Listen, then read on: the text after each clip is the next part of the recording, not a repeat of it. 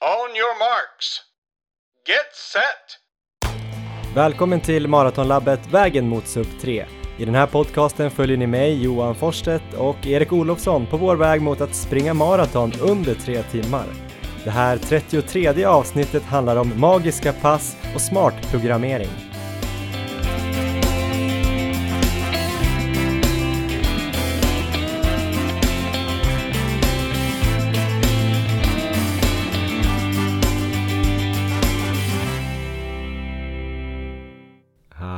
Halli hallå hallå hallå tudelu tudelu tudelu Erik Olofsson, hej! Tjena Johan, härligt intro.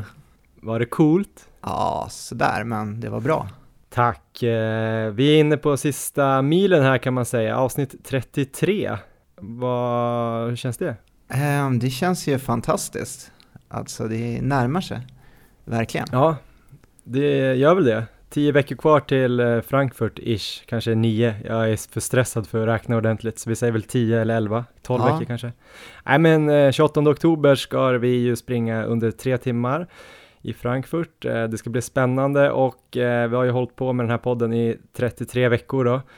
Så ni som har kommit in just nu vet ju att det finns 32 härliga avsnitt eh, att gå tillbaks och lyssna igenom på i efterhand. Jag tror rekordet är att typ ha lyssnat i kapp eh, det var för några veckor sedan det var någon som skrev att de hade lyssnat i kapp från kanske, ja, kanske 29 avsnitt på typ en vecka eller något. Wow. Tycker jag är rätt imponerande ändå. Mycket bra.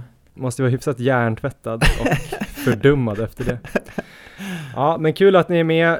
Eh, kul att ni följer oss på Maratonlabbet på Instagram och kul att ni kollar på Strava också, hur vi springer. Eh, där heter vi Johan Forstedt och Erik Olofsson. Eh, vi kör igång här då med att fråga också Erik Olofsson. Ja. eh, det var ett tag sedan vi hördes, hur är läget?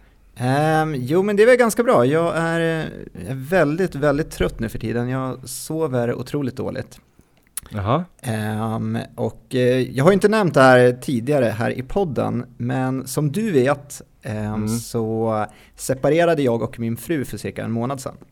Så den här Mm. månaden har ju varit eh, ganska jobbig på många sätt.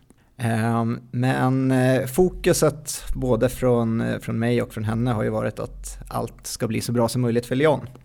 just det, eran son. Precis, som är tre år gammal. Eh, Men min situation nu då, det är att eh, mitt ex bor kvar i vår lägenhet och jag får en ny lägenhet den 1 september. Just det. Eh, Men just nu då fram till dess så bor jag inneboende och det här har ju gått ut över sömnen ganska rejält måste jag säga. Jaha. På vilket sätt bor du nu då? Du bor med din syrra va? Ja, Syrras precis. Där bor jag just nu som en systers familj så det är ju det blir ju tidiga morgnar på många personer och sådär så att det är ju svårt att få in någon sån här bra och regelbunden sömn känner jag. Mm. Eh, Och sen samtidigt då få in träning och så vidare och eh, hämta och eh, lämna Leon de dagar jag har honom och så vidare. Ja. Ehm, Så, eh, så det, ja, men det jag fått offra känner jag väl är sömnen ganska mycket här Ja. och återhämtningen. Vi har snackat om det här lite grann utanför podden såklart, men hur, hur känns det nu då? Ehm, Går det framåt eller? Jo, men det gör det väl. Det, man börjar väl se någon ljusning och eh, det kommer väl, jag tror saker kommer bli, liksom bli bra eh, framöver. Men det är klart det liksom är jobbigt att eh, gå igenom och eh, för alla. Eh, men jag tror att när jag får lägenheten då första september och eh, kan landa där och så, så tror jag, tror jag att det kommer bli bättre. Ja, vi får hoppas på det bästa. Det kommer säkert lösa sig eh, superbra för alla tre. Och det känns kanske lite futtigt att prata om löpning eftersom det finns saker som är viktigare än löpning, men det är ju en löparpodd. Ja. Och det här som har hänt med dig där har ju såklart kanske påverkat eh, din löpning också, men ja. du har ju gjort fantastiska resultat i löparspåret under den här perioden också.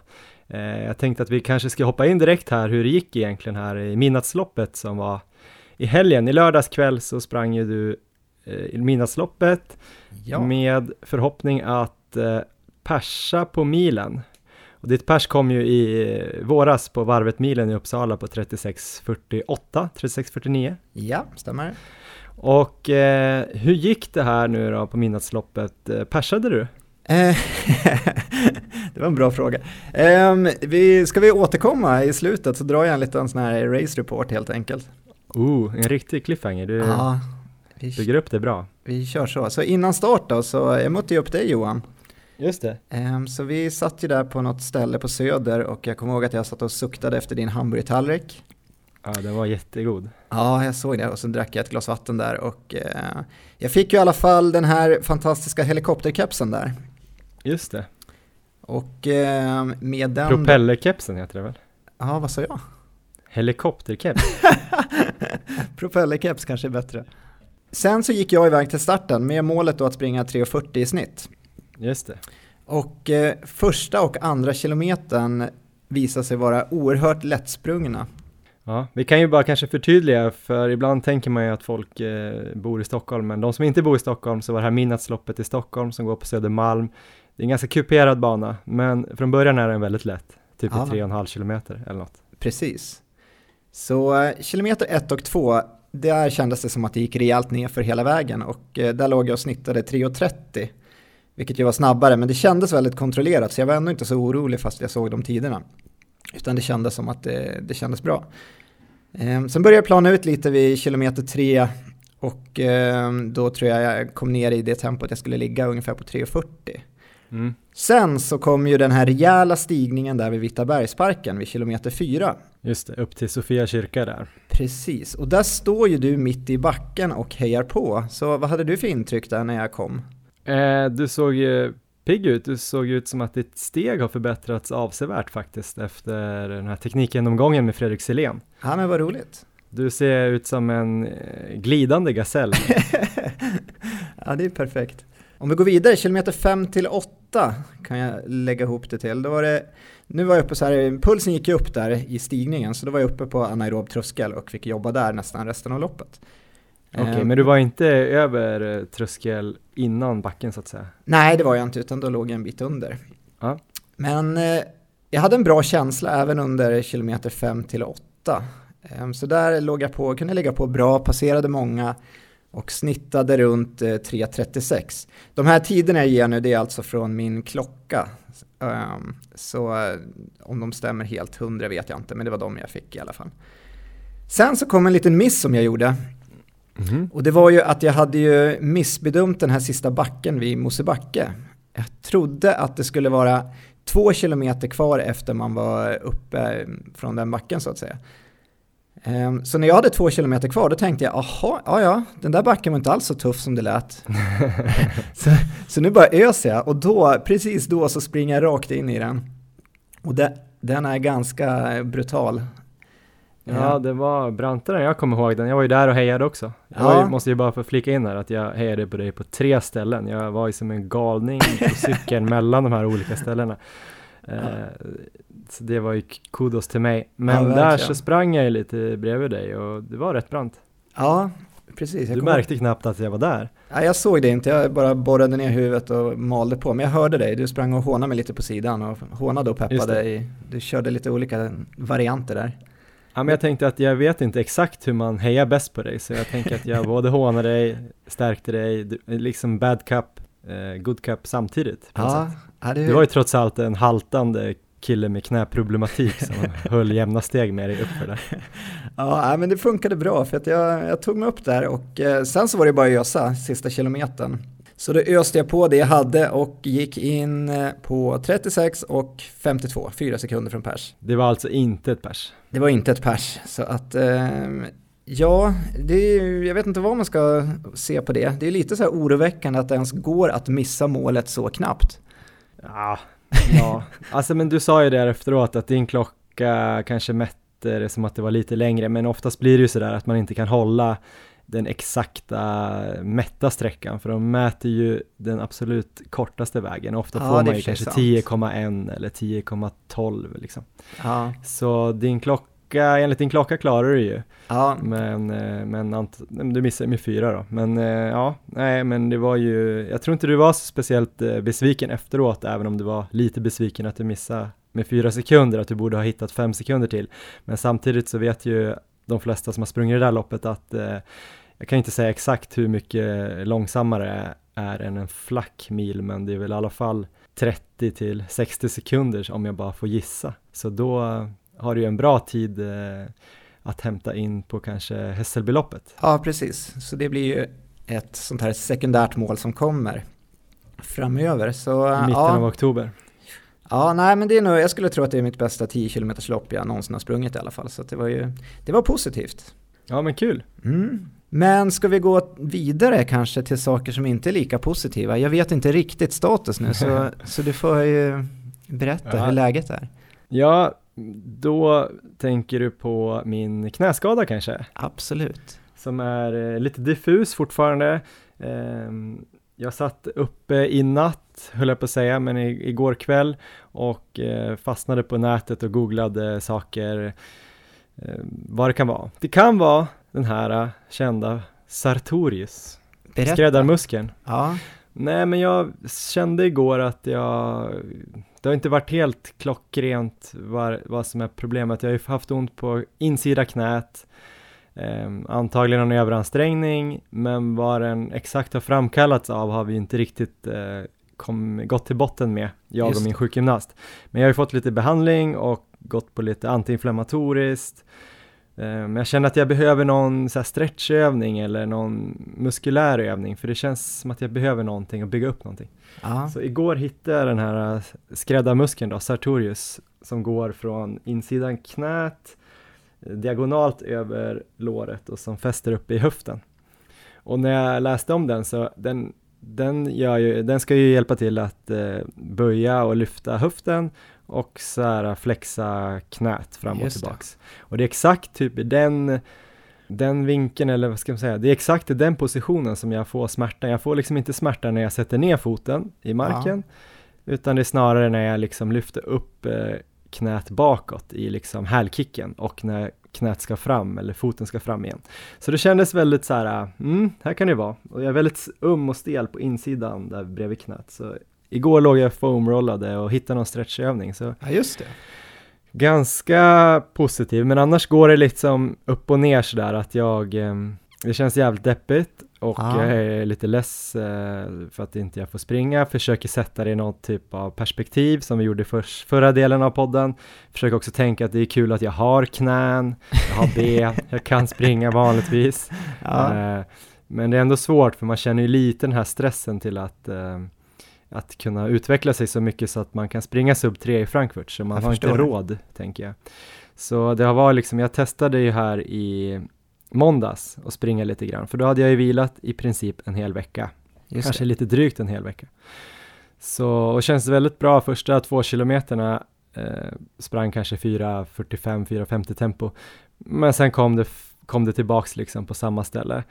Ehm, då testade jag ju lite så här, alltså grejen var att jag kände mig som, eh, som Usain Bolt på, på steroider liksom. Jag var så pigg i kroppen liksom för att jag har vilat, så att det känns ju verkligen som att eh, det kommer bli kul sen när, Ja, när vi släpper upp på träningen inför de här loppen som vi ska springa, eller framförallt Frankfurt då, för att jag kände mig som hela, jag har ju känt mig ganska sliten här i, i början av augusti liksom, när jag har gjort mina pass. Nu känner jag mig bara så här som en Formel 1-bil, fast jag fick inte springa på.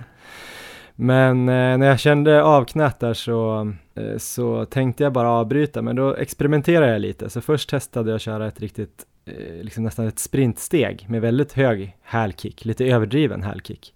Bara för att känna om det var det som provocerade smärtan liksom. Och det kände jag ganska snabbt att det blev värre av det liksom. ja, Och då testade jag sen då motsatsen, vilket är att springa som på styltor och eh, lite så här, ja man fick ju, får ju svinga ut benen lite då för att komma framåt, men jag sprang på raka ben helt enkelt. lite som eh, i filmen Forrest Gump, när han blir jagad och Ja, har sådana här eh, ställningar på benen. Så innan han tappar de där ställningarna springa på riktigt ut över ängen där. Var du själv när du sprang åker. där eller var du mitt i stan? Inga kommentarer. Nej, det var ganska mycket folk. Det var nedanför Eriksdalsbadet. Det var någon sån här raggarträff nere vid båthamnen där. Så det var massa raggarbilar, eller inte raggarbilar, men gamla veteranbilar var det. Var inga Härligt. raggar, det var veteran.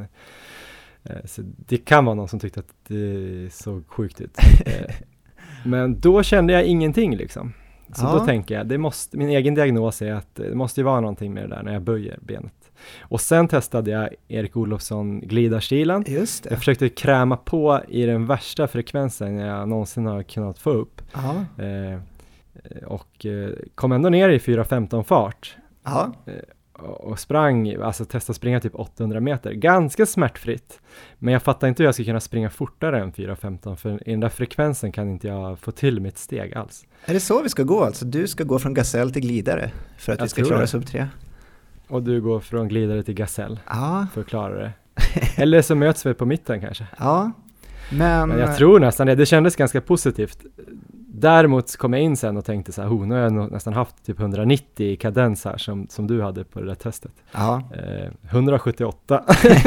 ja. Alltså så här, lite under vad folk säger är optimalt. Jag Ja, fattar inte hur det. man kan ha så här hög frekvens. Det kändes som jag steppade, så här, var som en så här, ja, steppdansös typ. Okej, men eh, nu är Där vi är vi nu. alltså, nu. är vi där och nu är det onsdag idag. Ja, Hur var reaktionerna in på knät och i kroppen så här efter passet då? Ja men då körde jag ju lite foam roller och stretchade. Det var innan jag hade googlat upp Sartorius. Så grejen är att jag vaknade på tisdag morgon och det kändes inte sämre. Ja, Eh, Så det var ändå positivt. Absolut. För tidigare när jag testade lite förra veckan, då kändes det sämre på morgonen igen. Så det kändes liksom lika dåligt. Så då blev jag lite sugen, jag sprang lite med vår kompis Per Wimmerkrans igår, en kort runda. Lite samma känsla liksom, att, eh, att jag kunde, det gick ganska bra ett tag, sen fick jag lite smärta, sen sprang vi upp på Hammarbybacken. Och Okej. då funkar det ganska bra när jag springer upp för. Ja. då blir det ett annat steg, mycket kortare steg och så här. Försökte också inte, det blir liksom inte samma kraftfulla steg. Så upp kom jag ganska bra, ner däremot gjorde ju skitont, så då fick jag typ gå. Eh, kom hem, var liksom ledsen igen, för jag, du vet man höjer förhoppningarna. ja. Eh, nu känns det som det här blir långrandigt, men man höjer förhoppningarna. Folk känner säkert igen sig. Så man bara, nej men det, det kan vara det här som är fel. Om jag bara springer så här, så nu kanske det är på gång igen. Och sen bara gör det skitont, eller ja, det gör ont i alla fall. Så var jag på gymmet och körde alla typ gymbenövningar, alla sådana här lårmaskiner jag kunde, för jag tänkte att jag kanske blivit svag i låret. Det är kanske därför. Så det var mörsa på alla så här insida, eh, ljumske, utsida, höft, eh, lårköl fram, bak, benpress, benböj, raka marklyft. Jag bara mörsa på. Jag tänkte så här, jag chockar benet. Det kanske går, det kan gå över av det. det här vet jag inte om de lär ut på fysioterapeututbildningen. Det börjar låta lite desperat här känner jag. Ja, lite desperat. Kom hem, eh, satt tio, klockan 10 till 12, googlade, hittade Sartorius, foamrollade den, stretchade den, vaknade upp i morse, ja, kändes bra igen. Alltså det Ja. hade inte blivit sämre. Eh, vart ute idag och eh, gått och joggat en orienteringsbana. Det var någon sån här träningstävling. Ja. Eh, ändå ganska förhoppningsfull om att det kanske kändes lite bättre idag. Men Ja. jag sprang inte speciellt mycket. Så vi får se, vi får se vad som händer Erik. Ja. Men eh, jag får försöka tänka positivt eh, och ehm, hoppas att det kan gå snabbt när det väl försvinner och då jävlar ska jag vara i toppform för att eh, komma i form till Frankfurt helt enkelt. ja, det är ju fortfarande bara tio dagar som du har varit borta. Just det. Men nu kanske vi ska hoppa över till dagens eh, intervju tänker jag. Den är då gjord med Niklas Psilander. Ett svårt namn där, PSI Lander, Psilander. Eh, han och jag kommer väl prata lite om, eh, jag brukar kalla det för så här magiska pass. Eh, sådana här pass som antingen är väldigt bra och ger väldigt bra effekt eller som kanske har fått rykte om sig att vara väldigt bra. Typ eh, norska intervaller, ehm, Jassos 800 och lite sådana där pass. Men framförallt kommer vi prata om eh, en grej som han kom fram till i studier på Idrottshögskolan som handlar om att eh, träna med låga kolhydratlager och på så sätt få en ökad mitokondrietillväxt. Men vi kör bara intervju nu så presenterar han allt eh, där. Vi hörs efteråt. On your marks. Get set. Yes, eh, ja men då har vi Niklas eh, Psilander på tråden. Eh, tusen tack för att du vill ställa upp. För det första kan du bara kanske hjälpa mig att presentera dig själv lite grann. Ja, jag är ju både man säger, forskare och lärare på gymnastik och idrotts, idrottshögskolan här i Stockholm. Och jag undervisar mycket på tränarprogrammet och även på lite andra program. De som ska bli tränare och idrottslärare. Och kanske det största skälet till att jag har eh, velat prata med dig idag är ju att eh, jag eh, kanske för fyra, fem år sedan nästan pratade med dig och gjorde en intervju för Sats magasin där du hade just kommit ut med någon forskning kring att träna med låga kolhydratlager och hur det påverkade kroppen. Det där har jag inte riktigt testat själv, men du har ju kört väldigt mycket och märkt att dina mitokondrie, din mitokondrietillväxt har varit väldigt bra. Eh, jag tänker bara, kan du berätta lite mer om den här forskningen? Absolut. Eh, det här var väl, den studien gjordes ju en, eh, det var nog sex år sedan nu ungefär, som vi genomförde den studien. Och det vi såg i den, det var ju att då hade vi väldigt vältränade cyklister som fick köra ett ganska långt pass på eftermiddagskvällen en dag. Så att vi liksom tömde dem på, på kolhydrater kan man säga, eh, framförallt då i, i i musklerna, i benen. Eh, och sen fick de äta en middag som eh, innehöll i stort sett inga kolhydrater alls. Eh, och sen även en frukost likaså. Mm. Och sen fick de köra ett entimmespass, ganska lugnt pass. Man kan säga som ett distanspass. Eh, och sen så fick de komma vid ett annat tillfälle och jag upprepar här, men då fick de äta jättemycket kolhydrater till middag och frukost och även under träningspasset. De gjorde eh, samma pass? Ja, exakt samma pass, mm. samma tömningspass på kvällen och sen samma pass på morgonen.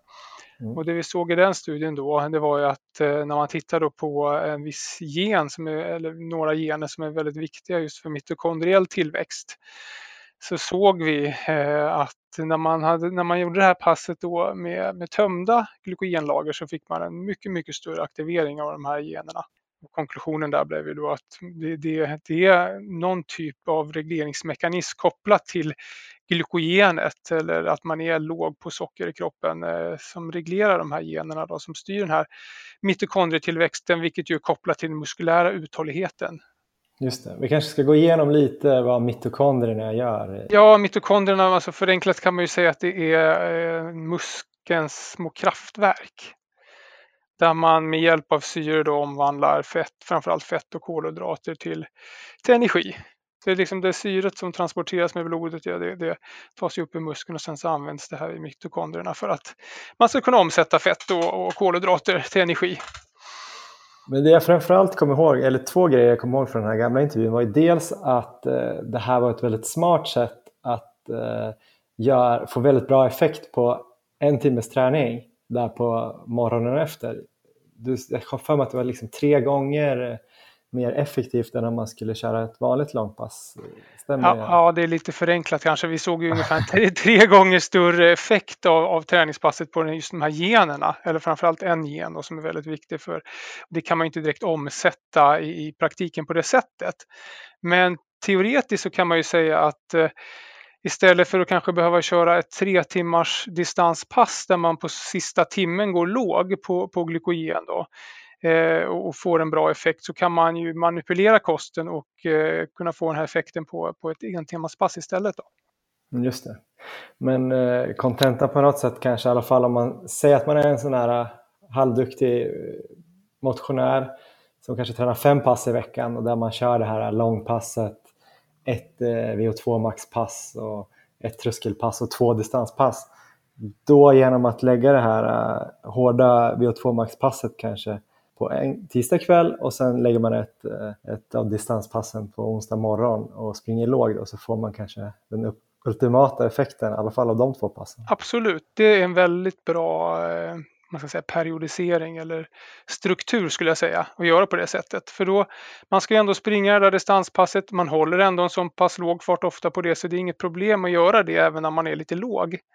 Mm. Så att själva träningen ser ju identisk ut. Det enda man har gjort är att man har manipulerat kosten lite och förhoppningsvis så får man en lite bättre effekt då. Det här äh, hårda passet då på tisdag kväll som jag hade mitt exempel nu, förstörs det på något sätt att man inte tillför kolhydrater efteråt? Nej, eh, absolut. Det finns ingenting som tyder på det. Att, eh, att du skulle få en bättre effekt av ditt intervallpass genom att äta kolhydrater efter. Eh, snarare tvärtom skulle jag säga. Eh, så det, det, det är ingen nackdel med det alls. Men det gäller ju däremot att man har laddat på ordentligt innan det passet. Det. Så det är ingen bra idé att köra hårda intervallpass med eh, låga eh, sockernivåer i kroppen. Och den andra stora grejen jag kommer ihåg var ju att du har ju provat det här ganska hårt på dig själv och eh, vad jag kommer ihåg så hade du då sänkt din halvmara fart från 1.24 till 1.19 som en del av det här att du hade fått mer mitokondrier och gjorde det här upplägget. Eh, berätta lite om det. Ja, alltså jag, jag eh, kan ju inte garantera att det var på, det här upplägget, på grund av upplägget. Va? Men jag hade ju kört ungefär samma typ av träning under några år. Eh, och sen började jag manipulera kosten eh, och körde de här passen då på det här sättet att jag, jag la in mina, eh, mitt intervallpass på, på torsdagskvällen då, eller eftermiddagen. Och sen så eh, drog jag ner på mängden kolhydrater på kvällen och på morgonen så brukar jag bara ta ett ägg och lite kaviar och en kopp kaffe. Eh, så jag tog någonting på morgonen va, med, med väldigt lite kolhydrater och sen så sprang jag iväg till jobbet då som är ungefär ja, 15 kilometer. Mm. Så det vart det ungefär en timme in då. Och det hade jag redan kört ett par år innan och legat ganska platåat när det gäller eh, prestationen. Men efter att jag började med det här så, så blev jag väldigt mycket bättre. Det är klart att jag kanske gjorde några andra små modifikationer till min träning också. Men inga större förändringar i alla fall. Eh, så att jag svarade väldigt bra mm. Eh, på, på den här förändringen. Och även när jag tittade då på, på och mätte i min muskel så såg jag att jag hade en, en, eh, kraftig ökning av just eh, mitokondriemängden. Just det. Men jag har en eh, poddkompis här då som jag gör den här podden med, Erik, som har börjat experimentera lite med långa fastande pass där han tror jag fastar helt. Han dricker väl vatten men han, han äter nog på kvällen innan men ingen frukost och sen kanske han sticker ut och har gjort 35-40 kilometers pass. Eh, är det här någonting som man skulle kunna byta ut mot det här upplägget istället? Alltså det det handlar om egentligen, eh, när det kommer till kritan, det är ju att man behöver gå riktigt låg på glykogen ja. i muskeln. För när man gör det så har man sett att det händer saker. Eh, och man pratar även om att det kanske finns en slags tröskelnivå man behöver komma under i muskeln för att man ska kunna få riktigt eh, stora molekylära effekter. Och det är klart att om man, hur man väljer att göra för att komma dit, det spelar kanske inte så stor roll. Så när han kör ett sånt pass Ja, alltså han kommer ju gå ut förmodligen med ganska mycket kolhydrater i muskeln från början men eftersom han kör så långt och så länge så kommer han gå riktigt, riktigt låg på slutet och få en väldigt bra effekt då också. Men framför allt så kommer han ju gå väldigt lågt på blodsocker också. Det är ju en annan sak. Det finns ju eh, glykogen och kolhydrater både i muskeln och i levern och till viss del i blodet. Och just det här leverglykogenet, eh, alltså kolhydraterna i levern, det är det som reglerar blodsockret. Och det är också väldigt viktigt för prestationen. Så att eh, den typen av träning skulle jag säga belastar även väldigt hårt eh, glykogenlagren i levern. Så jag skulle gissa på att han går väldigt lågt i blodsocker efter ett sånt pass. På gott eller ont? ja, det vet jag faktiskt inte. Det är inte speciellt utforskat genom att om man liksom tittar på train low när det gäller att tömma leverglykogen. Ofta går det ju lite hand i hand. Det beror mm. lite på hur man har ätit och, och så vidare. Leverns glykogen tömmer man ju mycket snabbare. Eh, just att fasta över natten och sen sticka ut utan att äta någonting, då, då ligger man redan lågt i glykogen efter natten och sen så då går det ganska snabbt. Så kommer man på låga nivåer. Det är klart mentalt är det ju otroligt bra träning om man ja. tänker så va? inför ett maraton eller någonting där man, där man har sista milen, när man ligger riktigt lågt och man har de här tankarna att man bara vill sluta hela tiden. Va? Ja, verkligen. Han är hård mentalt i alla fall. Ja, men det är väldigt spännande. Hur ofta gjorde du de här, eller gör du de här uh, i veckan? Gör man dem fler än en gång eller kör man det? Jag har kört, man kan säga, en, en gång i veckan där jag kör liksom riktigt hardcore. När jag kör intervallerna, sen inte äter kolhydrater och så kör jag ett sånt här distanspass på morgonen. Men sen har jag även ett pass på tisdagar där jag faktiskt inte kör några intervaller kvällen innan utan jag bara kör på fastande mage lite som din, eh, din kamrat där. Mm. Att, eh, jag kör distanspass, jag tar ett ägg och lite kaviar eh, och sen så springer jag in till jobbet.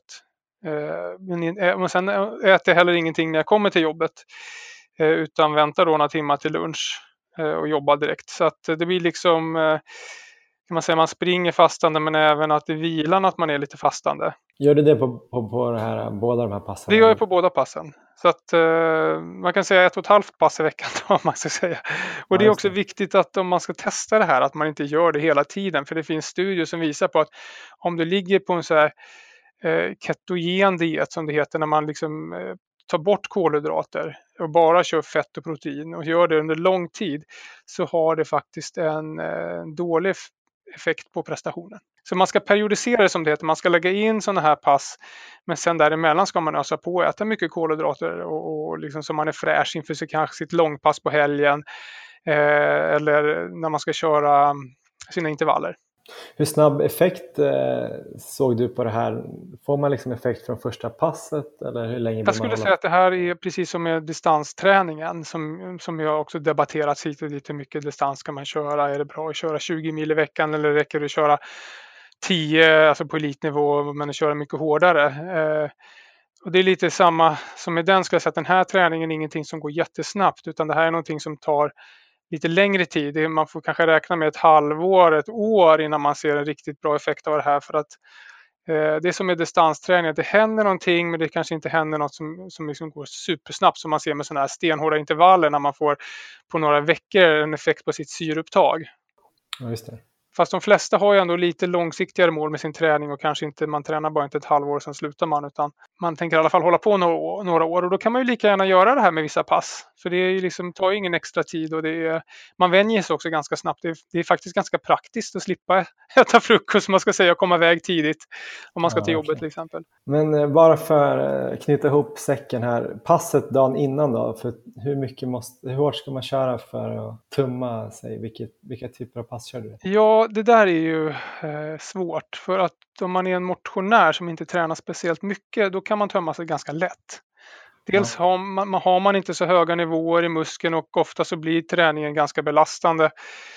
Eh, och då kan det räcka med Ja, man kan ju även köra distanspass på det sättet men jag, jag rekommenderar att man kör intervaller. Men det handlar ju om att eh, hitta en, en modell av intervaller där man ändå kan hålla på hyfsat länge. Eh, och jag, jag har kört sju minuters intervaller med tre minuters vila. Det är en favorit för mig. För att där kommer jag ganska snabbt upp på en puls som ligger runt 95 eller högre av min maxpuls. Och mm. klarar av att hålla den också under intervallerna. Det där är väldigt olika hur man är. Andra personer har problem att kanske komma så högt i puls och ligga på den höga pulsen under så här långa intervaller. Då är det bättre att kanske välja de här fyra minuterna, de här norska intervallerna. Eller man kan köra även 30 sekunder eller 15 sekunders intervaller men då får man göra herrans massa intervaller. För att tempot måste ändå vara eh, anpassat så att man kan hålla på, skulle jag säga, en 30, 40, 50 minuter kanske. För det skulle vara ett lite längre pass. Och jag brukar även lägga till att jag har en ganska lång uppvärmning på det här passet. Just nu kör jag faktiskt eh, 4 km uppvärmning och sen kör jag även 4 km nedvarvning. Så att hela passet för mig blir en 15-17 km faktiskt just nu. Okay. Och tränar man, är man hyfsat vältränad med elitmotionär då krävs det ett sådant pass för att man ska kunna tömma sig tillräckligt mycket. Men själva arbetstiden på, på den här höga intensiteten, är den upp mot en halvtimme? Så du kör eh, fyra gånger sju minuter eller fem gånger sju minuter? Ja, eller att, att, eller att man kanske kör 10 800 som du pratade om den här andra eh, intervallmodellen. Eh, det skulle också kunna funka. Va? Men så att man, ändå, att man ackumulerar tid så det ligger uppåt en kanske gärna 40 minuter, 30-40 minuter med, med högintensiv träning. Och så ordentligt med uppvärmning och nedvarvning. Och de här andra 800 meters eh, intervallerna som jag, du nämnde att jag hade nämnt har jag inte nämnt i intervjun än. Nej. jag har skrivit om dem till dig i mail. Och det var att jag tänkte att för mig är det här liksom eh, inte ett magiskt pass. Det är två vanliga pass men det blir lite magiskt genom att man sätter ihop dem och förändrar kosten på något sätt. Eller ett effektivt upplägg kan man säga. Och då tänkte jag att man skulle prata också lite om så kallade magiska pass eller såna här mytomspunna pass som man läser om ofta. Till exempel norska intervaller. Eh, vi kanske ska börja där. Mm. Eh, fyra gånger fyra minuter. Är det två eller tre minuters vila? Det är ofta olika. Också. Ja, klassiskt om man tittar på originalstudien från 2007 eh, så är det tre minuter.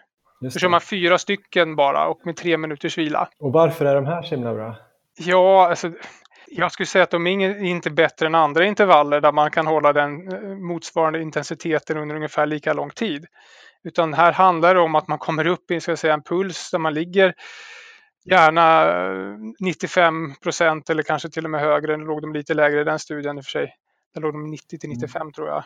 Eh, men, mm. men det beror på att de hade ju inte supervana löpare heller. Och, eh, löper man, som du säger, kanske 4-5 pass i veckan, då är man mer tränad än vad de här personerna var i den studien. I alla fall i, någon, i de flesta av de grupperna som de tittade på.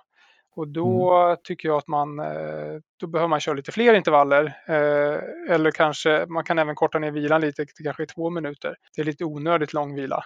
Mm. Eh, men, men om man tittar i den studien så körde de ju en grupp som körde 15-15 också. Just det. Alltså 15 sekunders intervaller med 15 sekunders vila. De fick ju köra uppåt en 50 sådana intervaller då för att matcha det här fyra minuters passet. Men de fick ju precis lika bra effekt. Det var mer bara att eh, konklusionen att, att de valde liksom att marknadsföra fyra minuters intervallerna. Det var ju för att det var mer praktiskt. Det är inte så praktiskt att köra 50 stycken 15 sekunder kanske där man måste upp, av, upp, av hela tiden. Va? Nej, just det. Och då blir det liksom samma sak som de här andra VO2 max-intervallerna som ska vara väldigt bra, 30-30 eller är det Bila, heter hon Bila, en fransyska? Va? Ja, precis. De 30-30 intervallerna, vad är det som är det samma princip fast det är bara en annan typ Det är nästan samma princip. Skillnaden där, jag skulle säga belastningen på hjärtat blir väl kanske lite större men eh, jag undrar om man, skulle, om man skulle sätta upp en studie där man jämförde Helgeruds 4-4 mot de andra intervallerna så tror jag inte man skulle se någon skillnad på utvecklingen av syreupptag. Däremot så ska man komma ihåg att de 30-30 så kommer du ha högre, betydligt högre hastighet när du springer på dem. För att eh, du ska springa på din, man ska säga, eh, nickmax eller som man brukar säga, alltså den hastigheten när man har eh, maximalt eh, syreupptag. Eh, och det blir en betydligt högre hastighet än när man tittar på de här fyra minutersintervallerna och då kommer du få andra effekter också. Men de är inte kanske kopplade till, eh, till det centrala systemet och hjärta och blod utan mer lokalt då. Att man till exempel får med lite mer snabba muskelfibrer i, i musklerna när man kör de här 30 eh, sekunders intervallerna då och det, det kan ju vara en fördel. Men du som eh, utbildar då, bland annat på det här tränarprogrammet eller vad du sa, kanske har lite insyn i liksom, hur eliten tränar i Sverige. Jag vet inte om, om du har det. Men... Till viss del, men det är också väldigt olika vad man har eh, för, för preferenser där. Vissa på elitnivå maratonlöpare ligger kanske 10-15 mil i veckan medan andra ligger 20-25 mil i veckan. Eh, och har betydligt mindre fokus på, på tröskelpass och på uh, intervallpass medan då de som ligger på 10-15 mil jobbar mycket mer med sånt. För man kan inte göra både och, eller det går inte att köra 20 mil i veckan och samtidigt köra jättemycket intervallpass. Det klarar inte kroppen. Va? Så det, det, är liksom en avvägning och lite personligt vad man tycker funkar bäst. Men min erfarenhet säger att man tittar på de allra bästa löparna genom tiderna Eh, med några undantag så är det den modellen där man kör väldigt mycket mängdträning som funkar bäst med inslag av intervallträning. Alltså det så att man skippar lite den här mellanmjölken som man eh, Mm. Eh, den här tröskelträningen och kanske de intervaller som inte är jätteutmanande utan man kör utmanande intervaller, riktigt hårda intervallpass och däremellan så kör man väldigt mycket mängdträning. Det, det funkar för de allra flesta väldigt bra. Mm. Och då, då är den stora frågan vilka intervaller man ska välja men då beror det lite på vad man själv... Ja, alltså, jag brukar säga att man ska liksom ha två varianter. En variant där man egentligen bara ska maximera tiden eh, där man ligger på en puls eh, 95, mellan 95 och 100 procent av, av, eh, av sin maxpuls. Mm. Liksom försöka få så mycket tid som möjligt. Gärna då eh, minst 15-20 minuter där man verkligen har kommit upp i den pulsen om man tittar på mitt pass då, när jag kör fyra stycken sju intervaller så brukar jag efter en två, tre minuter in på intervallen komma upp där. Så då har jag ju låt säga kanske en fem minuter där jag ligger runt 95 eller högre i puls. Eh, och då får jag ju eh, ackumulerat ungefär 20 minuter på den tiden. Sen om det är då fyra minuters intervaller, om det är sju minuter eller om det är två minuters intervaller eller om det är korta intervaller. Det spelar inte så stor roll, bara man klarar av att få den där ackumulerade tiden. Det. det är det ena intervallpasset. Andra intervallpasset som jag brukar rekommendera när man kommer lite mera mot tävlingssäsongen, det är att man börjar lägga in lite mer sprintbetonade intervaller helt enkelt. Okay. Och då pratar vi till exempel sådana här 30-30, men kanske ännu mer extrema där man kör 30 minuter i mer sprintfart, alltså ännu lite högre fart än sin hastighet som man har vid maximala syreupptaget eh, och har längre vila då, kanske 2-3 minuters vila till och med. Ja, 30 sekunders intervall. Ja, 20-30 sekunder där man liksom nästan går all out, fast inte riktigt. Eh, man måste vara försiktig med dem också för att det är högskaderisk där. Så det är lite vanare löpare när man har gjort sin grundträning ordentligt som man kan och så trappar man upp det här lite lagom. Så, så det är de två intervalltyperna jag brukar. Sen är det inte så himla noga det här. Man behöver inte snöa in sig på om det är sju eller sex minuter eller fyra. Utan det handlar mer om liksom, hur reagerar man på dem? Hur många klarar man av att göra med en hög puls? Mm. Men då kan man i alla fall säga att de här fyra gånger fyra minuterna, de norska, då måste man verkligen vara duktig på att snabbt komma upp i den där 95 procent av maxpuls för att man ska hinna få någon tid? Då. Ja, men man kan ju tänka så här också att man behöver ju inte göra det på första intervallen. Utan där kanske du bara har det under sista minuten. Däremot under andra intervallen så har du två fyra minuter där. Under tredje intervallen så har du tre fyra minuter. Men det är klart, då räcker det inte att köra fyra intervaller. Då kanske du måste köra sex, sju, åtta sådana intervaller. Eh, man kan köra med block också. Eh, ofta kör jag kanske fyra plus fyra. En längre vila emellan. Ja, men precis. Och då kommer man ju snabbare upp i puls när man kör andra blocket sen.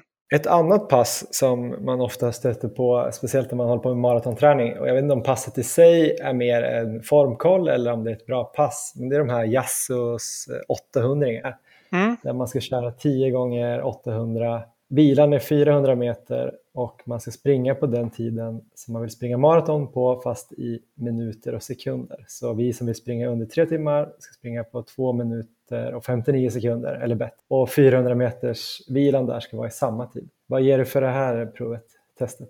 Alltså jag, jag, vet inte hur bra testet stämmer med verkligheten men alltså jag tycker inte, det låter inte som att det behöver vara så långt därifrån. I alla fall om man är en person som även kör en hel del distansträning.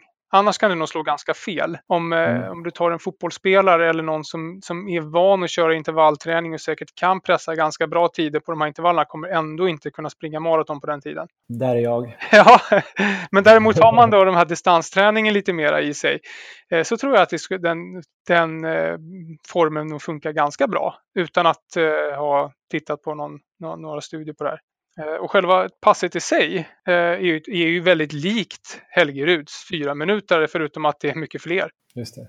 Men till sist här då, finns det något annat så pass som man borde lägga in i sin maratonträning som ger väldigt mycket valuta för insatsen så att säga? Nej, jag tycker att på alla fall motionärs eller elitmotionärsnivå så kommer man väldigt långt genom att bara se till att ha ordentligt med mängdträning i, i, i grunden och sen lägga till ett, två intervallpass i veckan.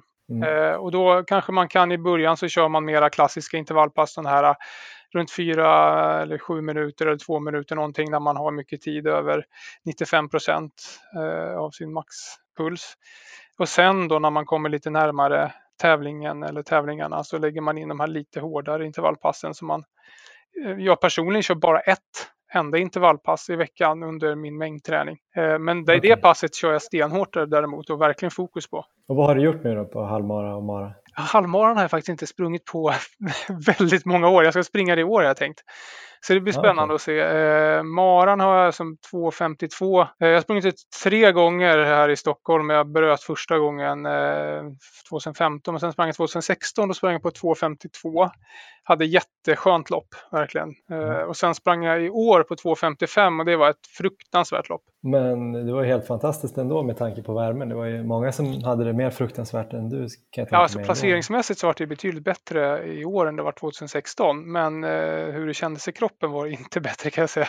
Jag har aldrig varit så sliten så länge efter ett lopp någonsin. En sak där som jag tänkte på. Nu har det varit en extrem värme här i sommar.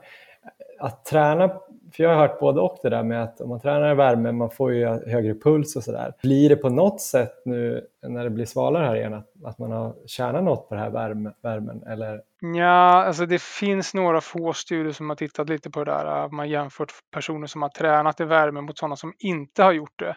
Och där är det lite, det är väl någon studie som har sett att det har ett positivt resultat men eh, flera som har sett att det inte är någon skillnad. Så jag skulle säga om man akklimatiserar sig väldigt snabbt så att jag, jag, skulle snarare tro att det har varit en nackdel för de allra flesta för att man har tränat mindre och mindre intensivt. Så om någonting så har man nog en, en lite sämre träningssommar bakom sig. Ja. Tyvärr. Härligt. Med de orden så tycker jag att vi avslutar den här intervjun. på botten. Nej, men tusen tack Niklas. Eh, det var en ära att få med dig i podden. Ja, det var jättekul. Tack själv.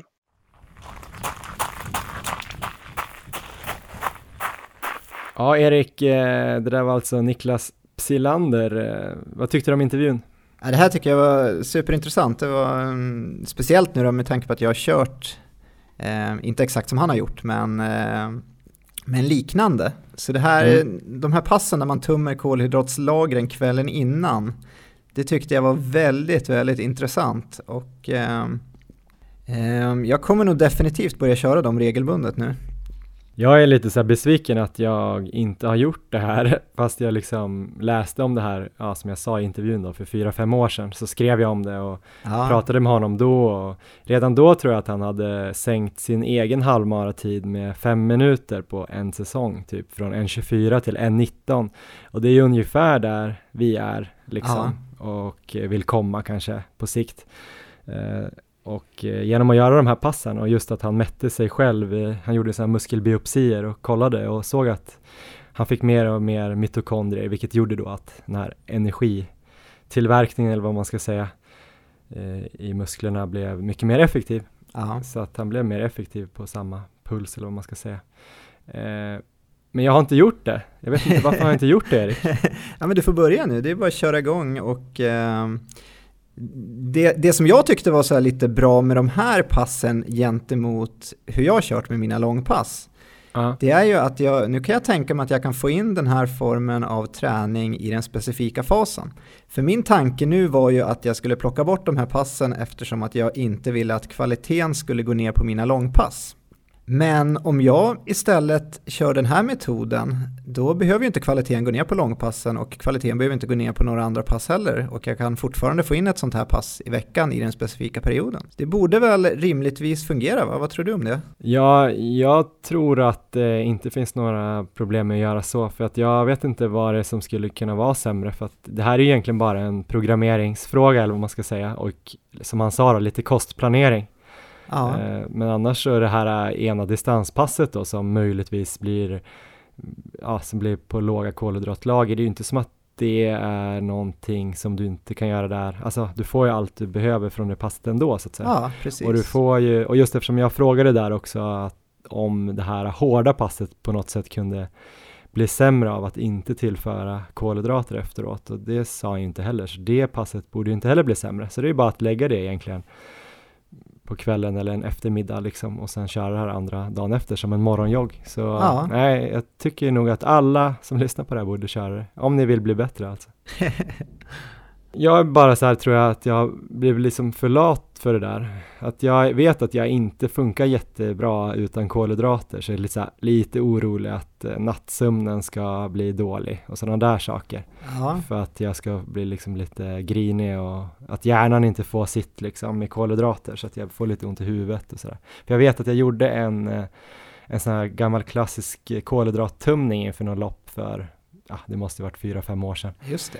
Där jag tömde mig på måndag kväll och var helt utan tisdag. Då blev jag ju liksom, jag kände att jag mådde typ dåligt och det, då får man en dålig psykisk mental balans tyckte jag och att jag sov dåligt någon natt där så kände jag att om det eventuellt gav någonting i så här förbättrad kolhydratupptag efteråt så blev det ju minus på att jag ja, blev otrevlig i 24 timmar typ. Men eh, absolut, man får väl testa det där. Sen kan man köra blodpudding, keso och bacon på kvällen, det är gott. eh, dricka lite, man kan väl få i sig något eh, gram kanske kolhydrat, alltså om man råkar dricka lite mjölk eller sådär. Och sen på morgonen är också positivt, du har inte ätit någonting när du har kört dina Nej, pass, eller hur? Nej, Men om man ändå får ta ett ägg och liksom en kopp kaffe ja. så får man ändå någonting i kroppen så man slipper den här värsta hungern tänker jag. Ja, fast eh, glykogenlagren ändå är tomma.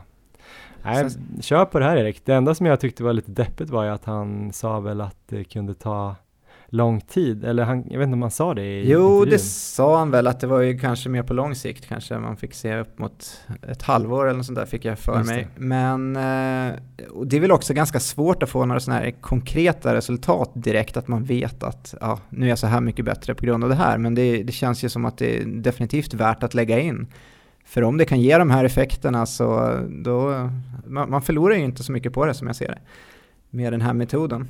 Nej, så länge det inte finns någon baksida så kan man ju lika gärna testa antar jag. Och Ja. eh, får man en, eh, säg att han tycker att det kanske tar eh, ett halvår eller ett år innan man får riktigt bra effekt så borde man i alla fall få på typ två månader borde man i alla fall få, eh, vad blir det, en sjättedel av den effekten som man får på ett år. Så att det är bättre än ingenting. Det är ju inte som att man gör det, det händer ingenting, det händer ingenting, det händer ingenting och sen efter typ åtta månader, då bara paff, nu har du gjort det tillräckligt länge utan det kommer väl direkt antar jag. Den här Ja. genen fattar väl inte. Så det är, det är ju självklart bara att köra kanske. Ja, Ja, det är kul också om man gör det för man kommer säkert känna sig lite smart när man har gjort det. Det är det jag med, tänker med det här magiska pass, att man, det här har man gjort, det här var väldigt effektivt liksom. Att inte bara slösa bort en timme eller två på något skitpass. Ja, Nej, spännande. Det finns ju mycket att göra. De andra passen där då, jag har inte kört så himla mycket VO2 Max eh, pass, men eh, där kan man väl dra slutsatsen att eh, det är svårt att få tillräckligt mycket tid i 95 till 100 procent av eh, puls på kanske norska intervaller. Det är väl främ- främst det jag tog med mig Erik. ja just det. Att det tar ett Verkligen. tag på intervallen att komma upp i 95 procent så att eh, man bara får kanske en, två minuter av de här fyra på varje intervall som är riktigt så hårda som det ska vara hela tiden. Ja, Och att eh, typ så Marit Björgen eller Johan Olsson vet jag körde hårt på de här. Jag läste någonstans igår bara att Johan Olsson körde typ Undrar om han kör kanske sex minuter eller fem minuter så tror jag han körde 30 minuter. Så antingen om det var fem gånger sex eller om det var sex gånger fem.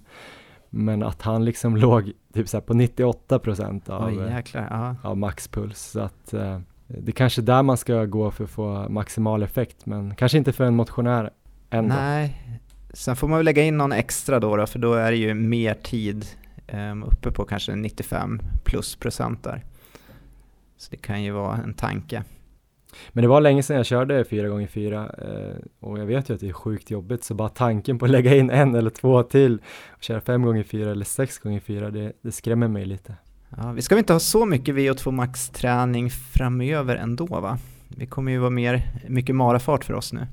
Ja, som jag har förstått eh, den här träningsfilosofin som många nutida tränare har eller kanske förut också så har man ju lagt kanske VO2 max i grundperioden och nu ska in och köra specifikt, eh, kanske köra lite halvmarafart för att få lite fart eh, känsla men annars köra mycket i marafart så att eh, det är kanske för sent att börja trycka de här VO2 max ändå. Jag tror båda, både du och jag har nog tillräckligt bra motor, alltså VO2 max syreupptagningsförmåga för att klara sub 3. Det är väl Ja. mer bara hårdheten och den här fartuthålligheten och effektiviteten som, som krävs antar jag. Och äta bra på loppet och ha rätt klocka och så. Ja, precis. Men